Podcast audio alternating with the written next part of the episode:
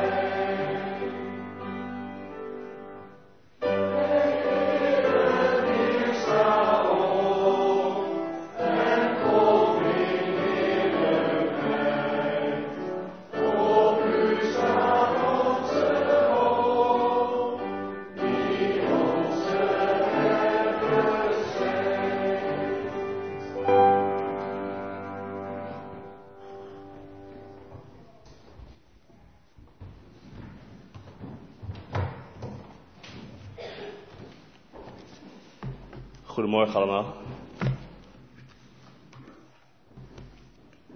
Ook vanmorgen hartelijk welkom deze eredienst. We spreken ook vanmorgen onze afhankelijkheid uit van God. Onze hulp is in de naam van de Heer, die hemel en aarde gemaakt heeft. Amen. Namens God mag ik u groeten. Genade zij u van God onze Vader en van de Heer Jezus Christus. Amen. Laat samen zingen, nieuw psalmbereiding 33, 1, 3, 4 en 6.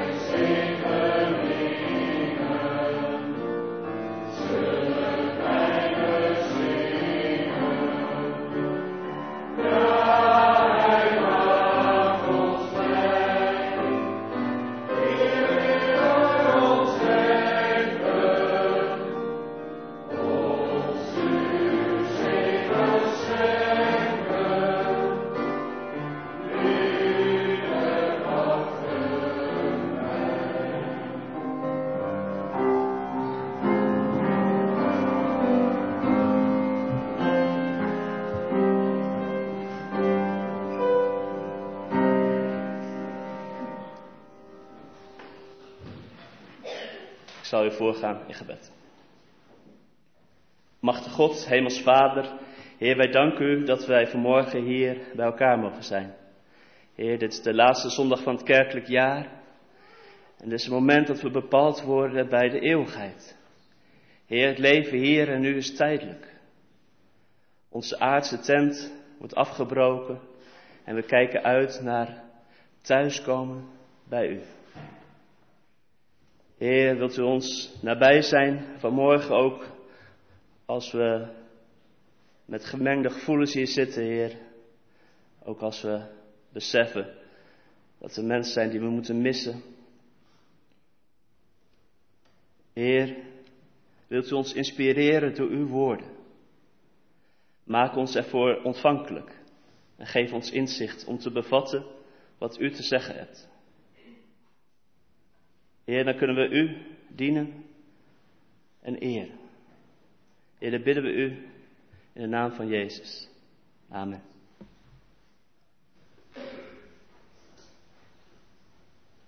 En nu samen zingen, je hoeft niet bang te zijn.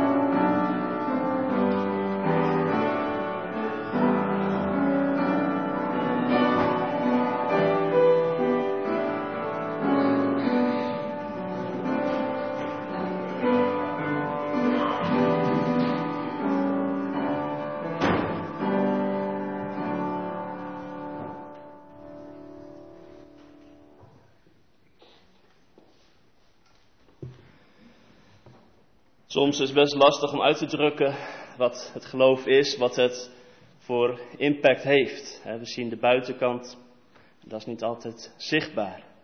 En Paulus die probeert het toch onder woorden te brengen. En die gebruikt daar verschillende metaforen en beeldtaal voor. En dat gaan we samen lezen vanmorgen uit 2 Korintiërs 4, vers 7 tot 5, vers 10.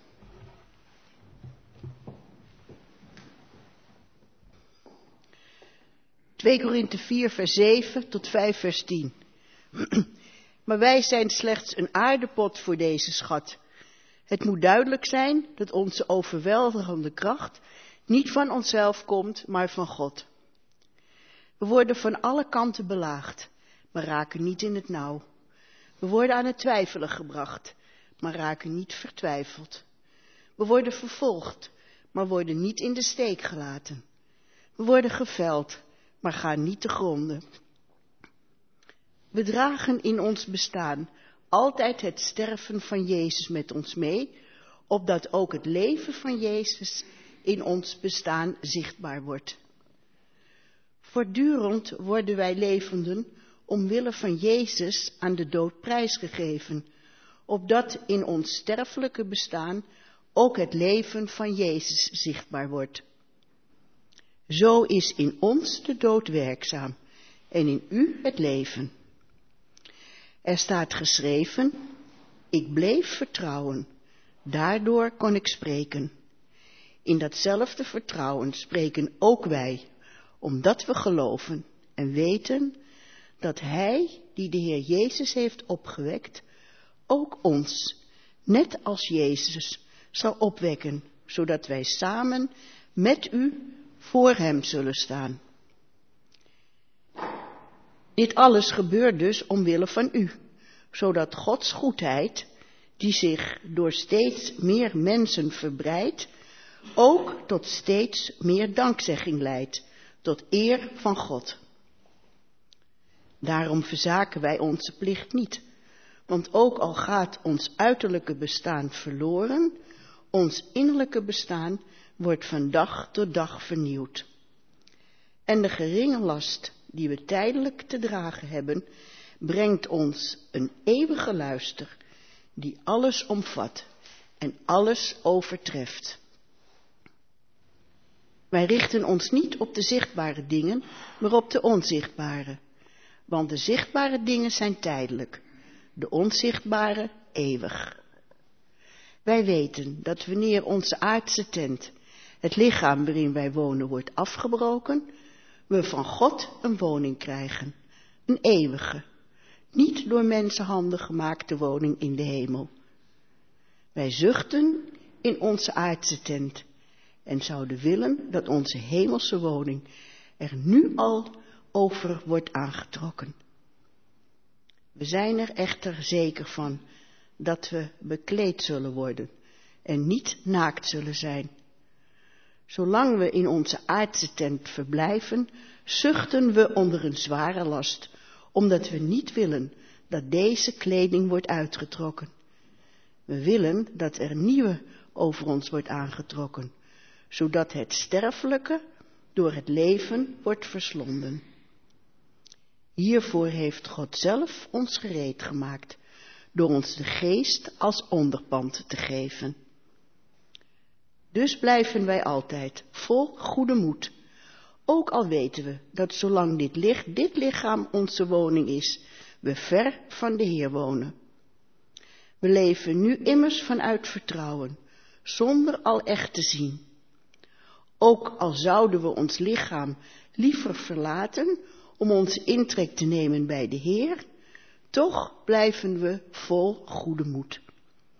Daarom ook stellen wij er een eer in te doen wat Hij wil, of we nu in dit aardse lichaam wonen of niet.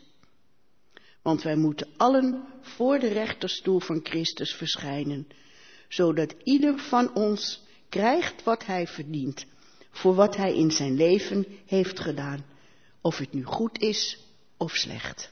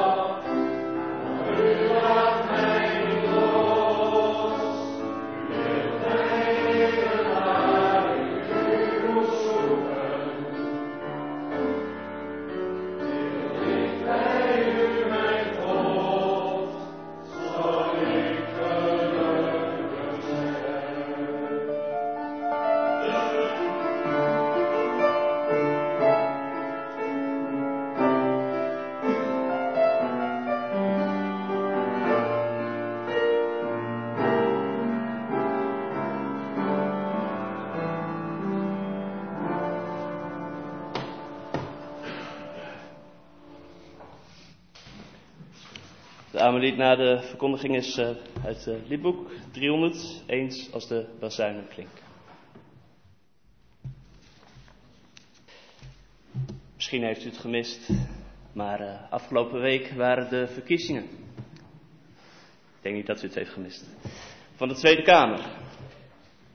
Ik moet eerlijk bekennen, ik heb niet alle debatten gevolgd. Maar ik was wel een beetje verbaasd over de verkiezingsuitslag van afgelopen week. Ik hoor soms ook mensen die zich er zorgen over maken. En anderen die er juist weer blij mee zijn. Ondertussen was ik deze week ook bezig met deze brief van Paulus, waar we net uit gelezen hebben. Ik vraag me af, wat zou er gebeuren als Paulus zou hebben meegedaan als kandidaat? Beetje vergezochte vraag. Maar ja, wat mij en misschien ook wel anderen opgevallen is, is dat deze zoektocht, deze verkiezingen leken te draaien om het zoeken naar een sterke leider. Erg zou je denken, het moet gaan over de inhoud. Maar er lijkt een erg grote nadruk te zijn op uh, vorm, uitstraling, imago van de leiders van de partijen. En wat centraal staat is misschien niet zozeer de ideeën, maar het winnen van vertrouwen van de kiezers. Je kunt dan misschien wel betrouwbaar zijn, maar het is nog belangrijker dat het ook daadwerkelijk overkomt. En er wordt continu gemeten wie nou de sterkste is. Dan ging het over de peilingen. En er werden debatten gevoerd om te kijken wie nou het beste kon debatteren. Sterke leider, goed verhaal en geweldig plan voor verandering. Het contrast kan bijna niet groter zijn met Paulus. Hij verbergt zijn zwakheid niet, maar benadrukt het zelfs.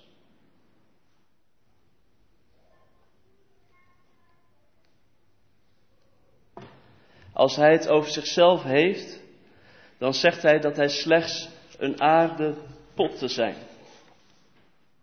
Nou, wat daarvoor moet zeggen is dat in de oudheid werden dingen gebruikt, aardepotten, om kostbare munten in te bewaren. En die potten waren goedkoop, breekbaar, overal te koop. En als je Paulus zou zien, zijn uitstraling, dan zou dat dus niet echt bepaald indrukwekkend zijn. Het is gewoon een alledaagse man. En als Paulus kijkt naar zijn eigen leven, dan kijkt hij terug op een hoop ellende en gedoe. Hij is niet een grote winnaar die alles super voor elkaar heeft. Hij beschrijft zijn ervaringen als volgt. We worden belaagd, worden aan het twijfelen gebracht, worden vervolgd, worden geveld, om eruit gehaald, zeg maar. Wat te zien is in zijn leven vat hij zo samen. We dragen in ons bestaan altijd het sterven van Jezus met ons mee. En dan kun je nog zeggen, Paulus is toch best wel heel bijzonder. We hebben het tenslotte vandaag de dag nog steeds over hem. Hij doet het toe. Hij is een uh, groot historisch figuur, zoals Napoleon, waar de film over uitgekomen is deze week. Larger than life. Indrukwekkend. Toch? Je bijna denken, kom op Paulus, geef de mensen dan ook een reden om naar je te willen luisteren. Paulus laat zien dat er meer gaande is. Iets wat je niet ziet als je alleen maar naar de buitenkant kijkt.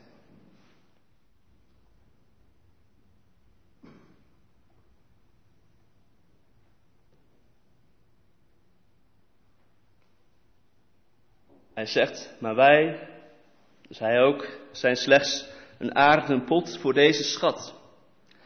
Het moet duidelijk zijn dat onze overweldigende kracht niet van onszelf komt, maar van God. En eerder benoemde ik al die twijfels die Paulus had. Vervolging, bedreiging waarmee hij te maken had. Hij had alle reden, redenen om zijn mond te houden. Dat zou hij ook hebben gedaan als er niet iets was dat hem kracht gaf. Paulus citeert daarvoor uit Psalm 116. Er staat geschreven, ik bleef vertrouwen, daardoor kon ik spreken. In datzelfde vertrouwen spreken ook wij omdat wij geloven. En weten dat Hij, die de Heer Jezus heeft opgewekt, ook ons, net zoals Jezus, zal opwekken. Zodat wij samen met U voor Hem zullen staan. Paulus die kan zich blind staren op wat hij meemaakt. Maar in geloof kijkt hij verder. Voorbij de oppervlakte. Hij schrijft ook, wij richten ons niet op de zichtbare dingen, maar op de onzichtbare. Want de zichtbare zijn tijdelijk, de onzichtbare eeuwig. Dit geloof dat hij van binnen heeft, heeft een enorme impact. Paulus is niet naïef. Hij weet wat de prijs voor hem is om te vertellen over Jezus. En toch, toch kon hij spreken. En die dubbele ervaring is kenmerkend voor hoe Gods kracht zichtbaar wordt. Dat beschrijft Paulus in uh, 4, vers 8 en 9. Aan de ene kant zegt hij, we worden van alle kanten belaagd. En tegelijkertijd, ja, belaagd, maar we raken niet in het nauw. We worden aan twijfelen gebracht, maar raken niet vertwijfeld. We worden vervolgd, maar worden niet in de steek gelaten. We worden geveld, maar gaan niet te gronden. We dragen in ons bestaan altijd de sterven van Jezus met ons mee. Opdat ook het leven van Jezus in ons bestaan zichtbaar wordt.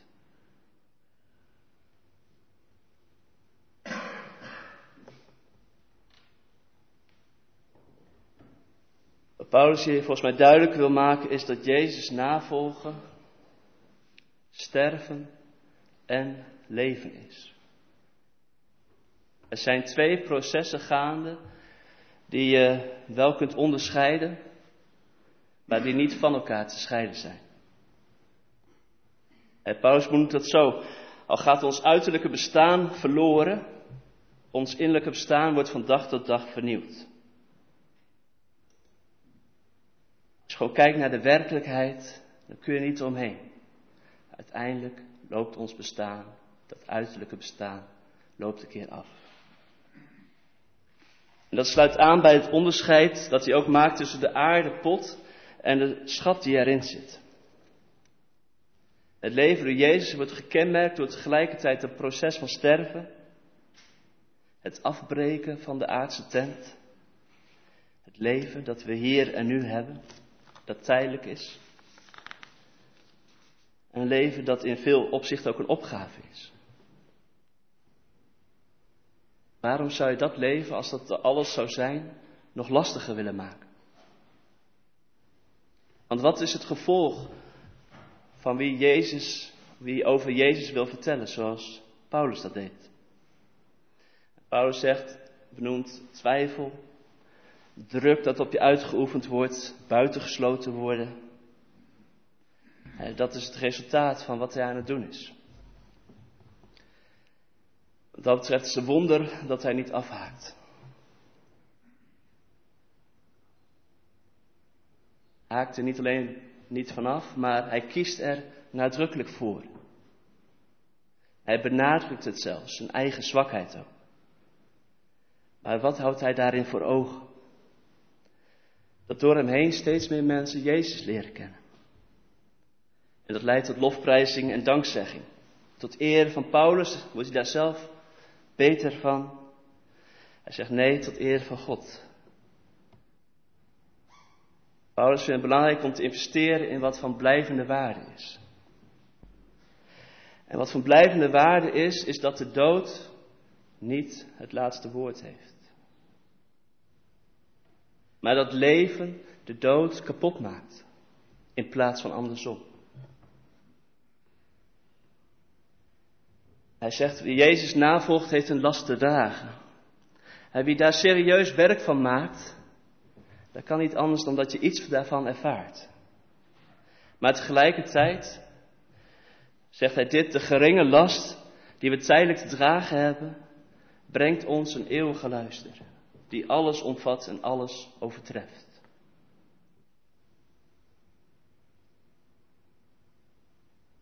En die twee processen van afbreken, maar ook van vernieuwing, zijn kenmerkend voor het leven als christen. Het is ook wat God ons belooft in de doop. Dat wie met Jezus sterft, ook met Hem zal opstaan uit de dood.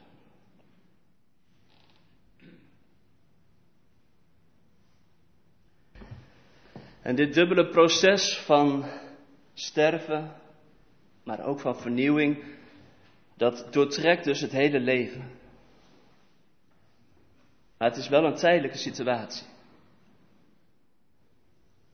Zoals Paulus ook zegt. Dus blijven wij altijd vol goede moed. Ook al weten we dat zolang dit lichaam onze woning is, we ver van de Heer wonen. We leven nu immers vanuit vertrouwen, zonder al echt te zien. En waar kijkt Paulus naar uit? Waar mogen wij ook naar uitkijken? Dat wordt gezegd in vers 1. Wij weten dat wanneer onze aardse tent, het lichaam waarin wij nu wonen, wordt afgebroken, we van God een woning krijgen. Een eeuwige, niet door mensenhanden gemaakte woning in de hemel. Het proces van sterven en vernieuwing, dat eindigt met het inruilen van een tijdelijk gebroken bestaan voor het thuiskomen bij God. Dus blijven wij voor goede moed. Ook al weten we dat we nu nog ver van de Heer wonen. Ik merk dat ik het soms best wel lastig vind om daar grip op te krijgen. Ik zie Paulus ook wel mee worstelen om dat uit te leggen. Hij gebruikt tenslotte een hoop metaforen. iets anders is er ook niet. Als het gaat om de dingen die we nu, hier en nu nog niet kunnen zien. En tegelijkertijd herken ik hem wel in wat hij zegt over het iets zien van die innerlijke schat. Er zijn ook momenten geweest. Best veel momenten en zijn ook dierbaar. Tegelijkertijd merk ik ook dat het kwetsbaar is om ze te delen. Want het is moeilijk om precies onder woorden te brengen wat het is. Ik heb iets van die kracht, van die schat gezien bij mensen die tegen de stroom inliepen. Gevaarlijke dingen deden om anderen te helpen. Je hebt gezien in mensen die niet keihard opkomen voor hun eigen recht, maar eenvoudig leven. Liefdevol, trouw. Je hebt ook gezien bij mensen voordat ze uh, kwamen te overlijden.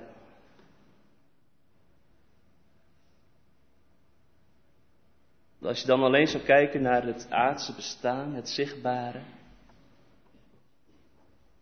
dan is er weinig reden voor blijdschap. Voor... En het bijzondere is dat ondanks dat zichtbare bestaan afgebroken wordt, tegelijkertijd een innerlijke kracht is. Ondanks alle twijfels niet vertwijfeld raken. Ondanks alle weerstand niet opgeven. maar kiezen om te vertrouwen op God.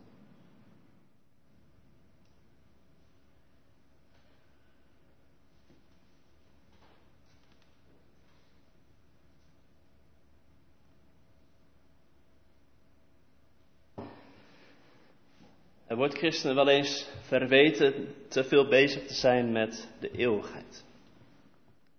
Dat je dan het hier en nu uit beeld zou verliezen. Moet het niet juist ook gaan over het leven hier en nu?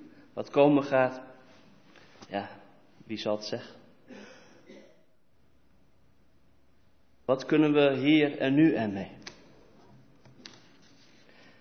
je ziet iets wat in elk geval niet de bedoeling is. als Paulus benadrukt dat het aardse leven, dat het tijdelijk is, dan betekent het niet dat het onbelangrijk is. Wat je doet.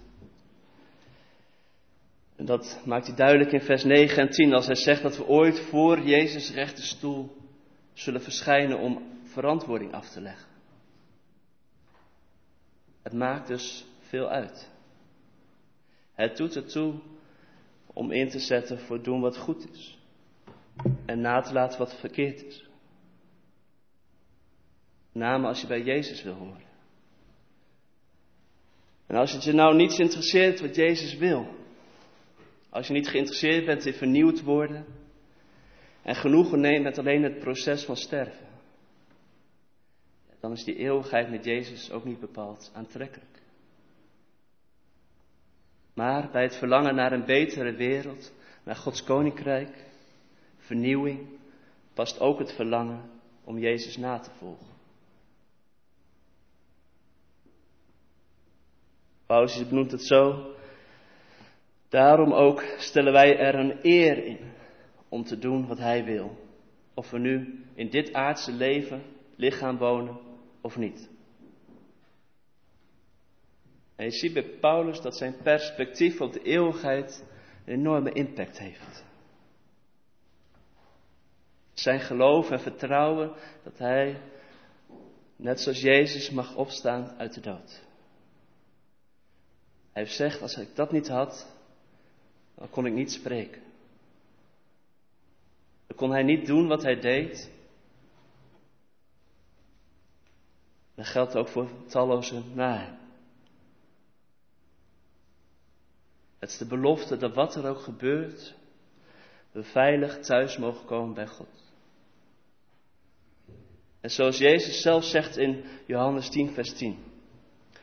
Een dief komt alleen om te roven, te slachten en te vernietigen. Maar ik ben gekomen om hun het leven te geven in al zijn volheid. Jezus is niet gekomen om ons af te breken en weg te gooien maar om ons het leven te geven in al zijn volheid. Amen.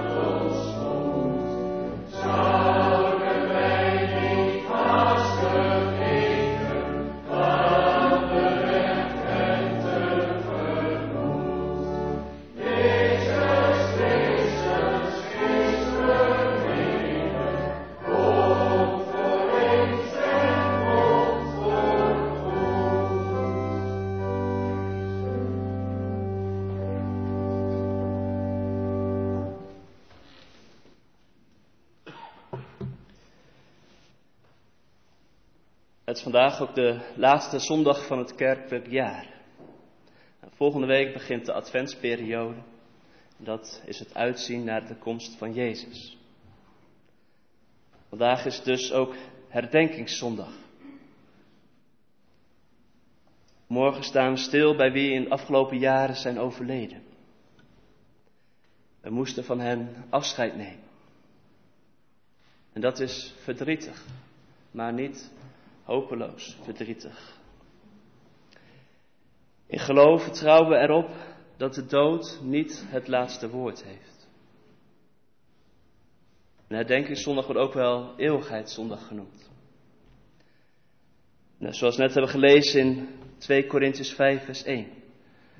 Wij weten dat wanneer onze aardse tent, het lichaam waarin wij wonen, wordt afgebroken, we van God een woning krijgen.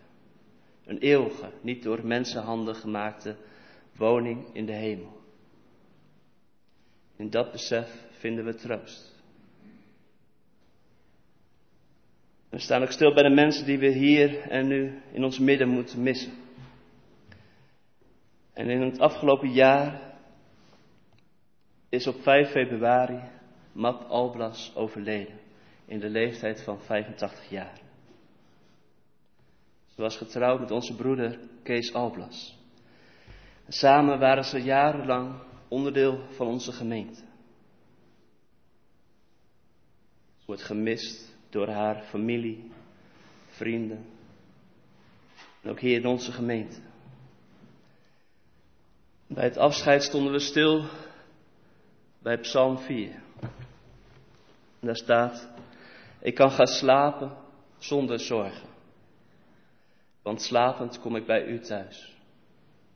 Alleen bij u ben ik geborgen. Gij doet mij rusten tot de morgen en wonen in een veilig huis.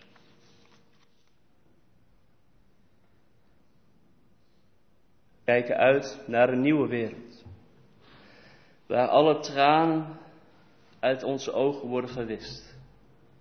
Er zal geen dood meer zijn, geen rouw, geen jammerklacht, geen pijn. Want wat er eerst was, is voorbij. sluit af met deze woorden van Paulus in Romeinen 8.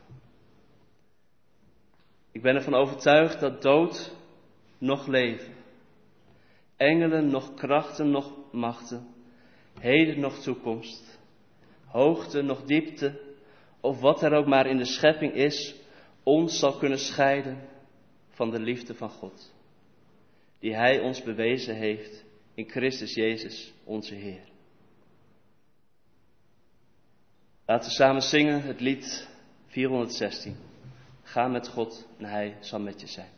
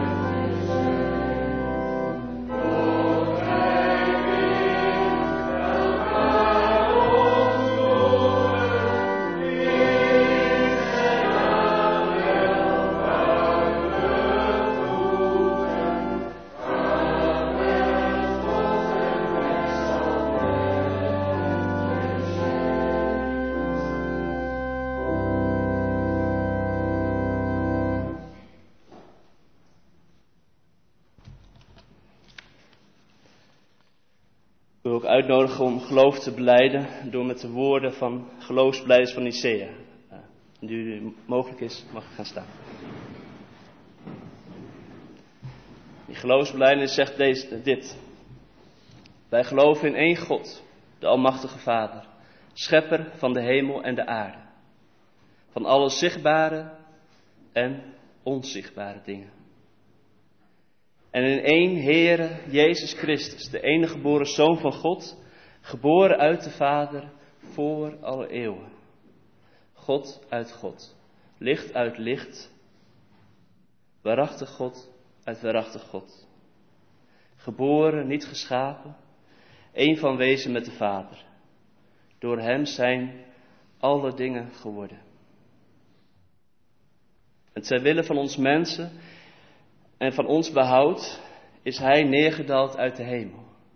En vlees geworden door de Heilige Geest uit de maagd Maria. En is een mens geworden. Hij is ook voor ons gekruisigd onder Pontius Pilatus. Heeft geleden en is begraven. Op de derde dag is hij opgestaan, overeenkomstig de schriften. Hij is opgevaren naar de hemel, zit aan de rechterhand van de Vader en zal in heerlijkheid weerkomen om te oordelen de levenden en de doden. En zijn rijk zal geen einde hebben. En in de Heilige Geest, die Heere is en levend maakt. Die van de Vader en de Zoon uitgaat, die samen met de Vader en de Zoon aangebeden en verheerlijkt wordt, die gesproken heeft door de profeten en één heilige algemene en apostolische kerk. We beleiden één doop tot vergeving van de zonde. Wij verwachten de opstanding van de doden en het leven van de komende eeuw. Amen.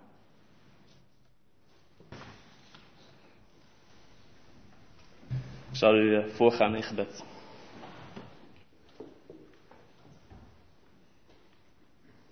Heilige God en Vader van Jezus Christus. Dank u wel voor deze dag waarop we naar u mogen toekomen. We prijzen u voor uw goedheid. U hebt immers in de wildernis van de wereld uw zoon gegeven, als een begaanbare weg naar u toe. Dank u voor die nieuwe levende weg, onze Heer Jezus Christus. Hemelse herder, u bent gekomen om te zoeken wat verloren is en ons als schapen bijeen te brengen. Geef dat wij ook naar elkaar omzien, om elkaars lasten te dragen.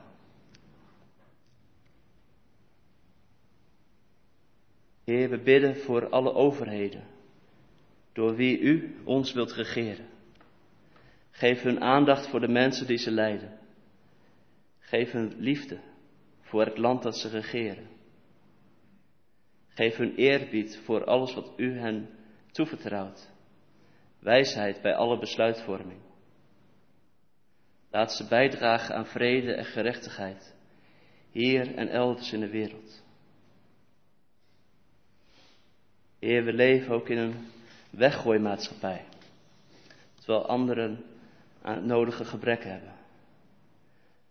Maar we willen graag op u lijken, Heer, uw beeld vertonen. Geef dat wij als uw gemeente een schat in de hemel verwerven. Laat de liefde van Christus rijkelijk in ons mogen wonen. Vervul ons met uw gave van het genoeg. Vrede zijn. Heer, die onze dagen telt. We bidden u voor wie vandaag iemand missen. Op zo'n dag als vandaag worden daar weer in bijzonder bij stilgezet.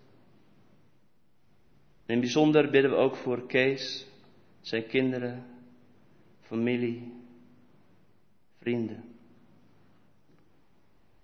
Heer, na de eerste periode daalt het besef ook in. En op bijzondere momenten, en misschien ook wel elke dag, kleine momenten, eh, wordt het gemis ervaren. Heer, wilt u troost geven. En Heer, we willen u ook bidden, blijf bij ons als we zorgen hebben om gezondheid. Dragen wie ziek is aan u op. Ook die al zo lang ziek en moe zijn. In bijzonder denken we daarbij nu ook aan dominee, dominee Afouti. Heer, hij getuigt ook van hoe hij rust vindt bij u. Wilt u hem nabij zijn, zijn vrouw en de mensen om hem heen. Heer, bidden we u in Jezus' naam. Amen.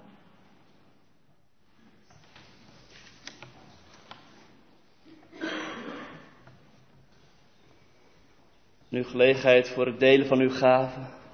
Uh, morgen voor Wycliffe, Bijbelvertalers. Daarna zingen we als slotlied Lichtstad met uw paardenpoort.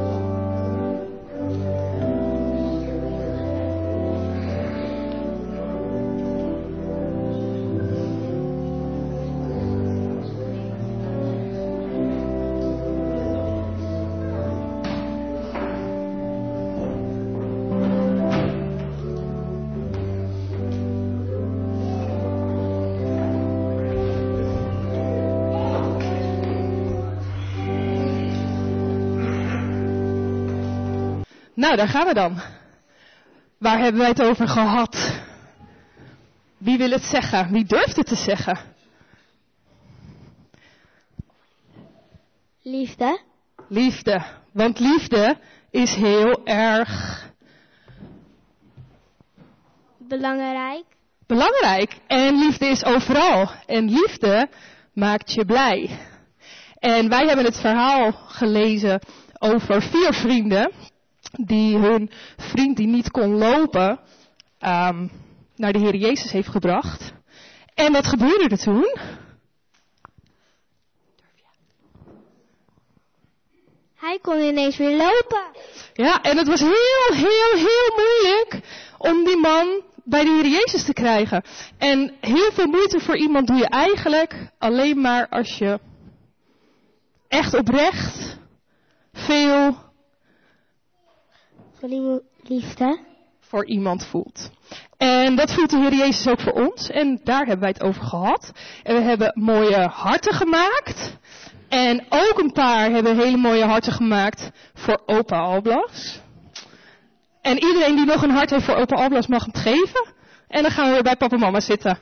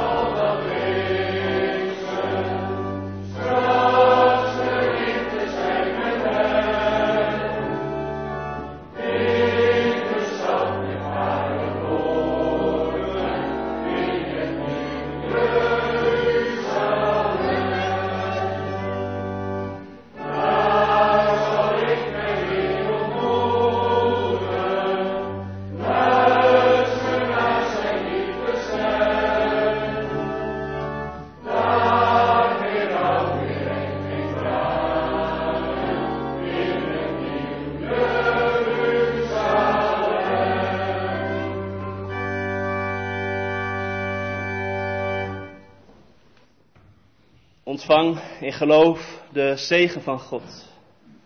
De genade van de Heer Jezus Christus. De liefde van God en de eenheid met de Heilige Geest. Zij met u, met jou.